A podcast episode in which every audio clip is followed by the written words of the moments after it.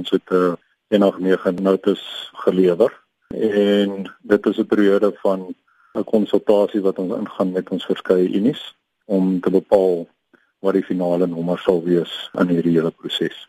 Hoeveel mense kan moontlik afgelê word? Man op hierdie stadium lyk dit asof dit in die omgewing van 8500 mense is.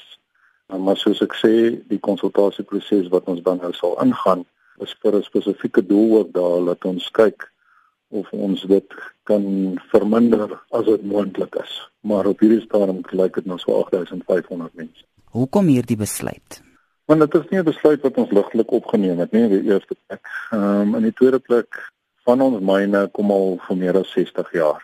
'n Myn ongelukkig kom op 'n punt wat hy net nie ekonomies meer genoeg grond het waarop wat ons kan myn nie.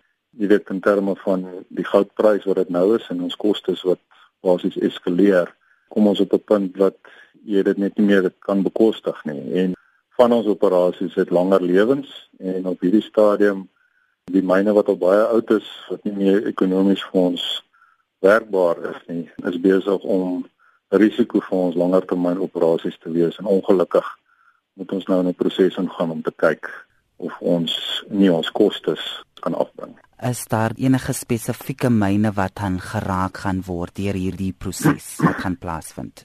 Ja, as jy kyk in die Deswits area, sal dit uh, twee spesifieke skagte wees. Die een sal Sabukaskag wees wat al vir 60 jaar lank myn en wat in die laaste paar jaar werklik op sy laaste is en dan ook Tautana myn wat ook al vir meer as 50 jaar werkbaar is in die Walrus of Walriver omgewing praat ons dan van Kopenhagen myn.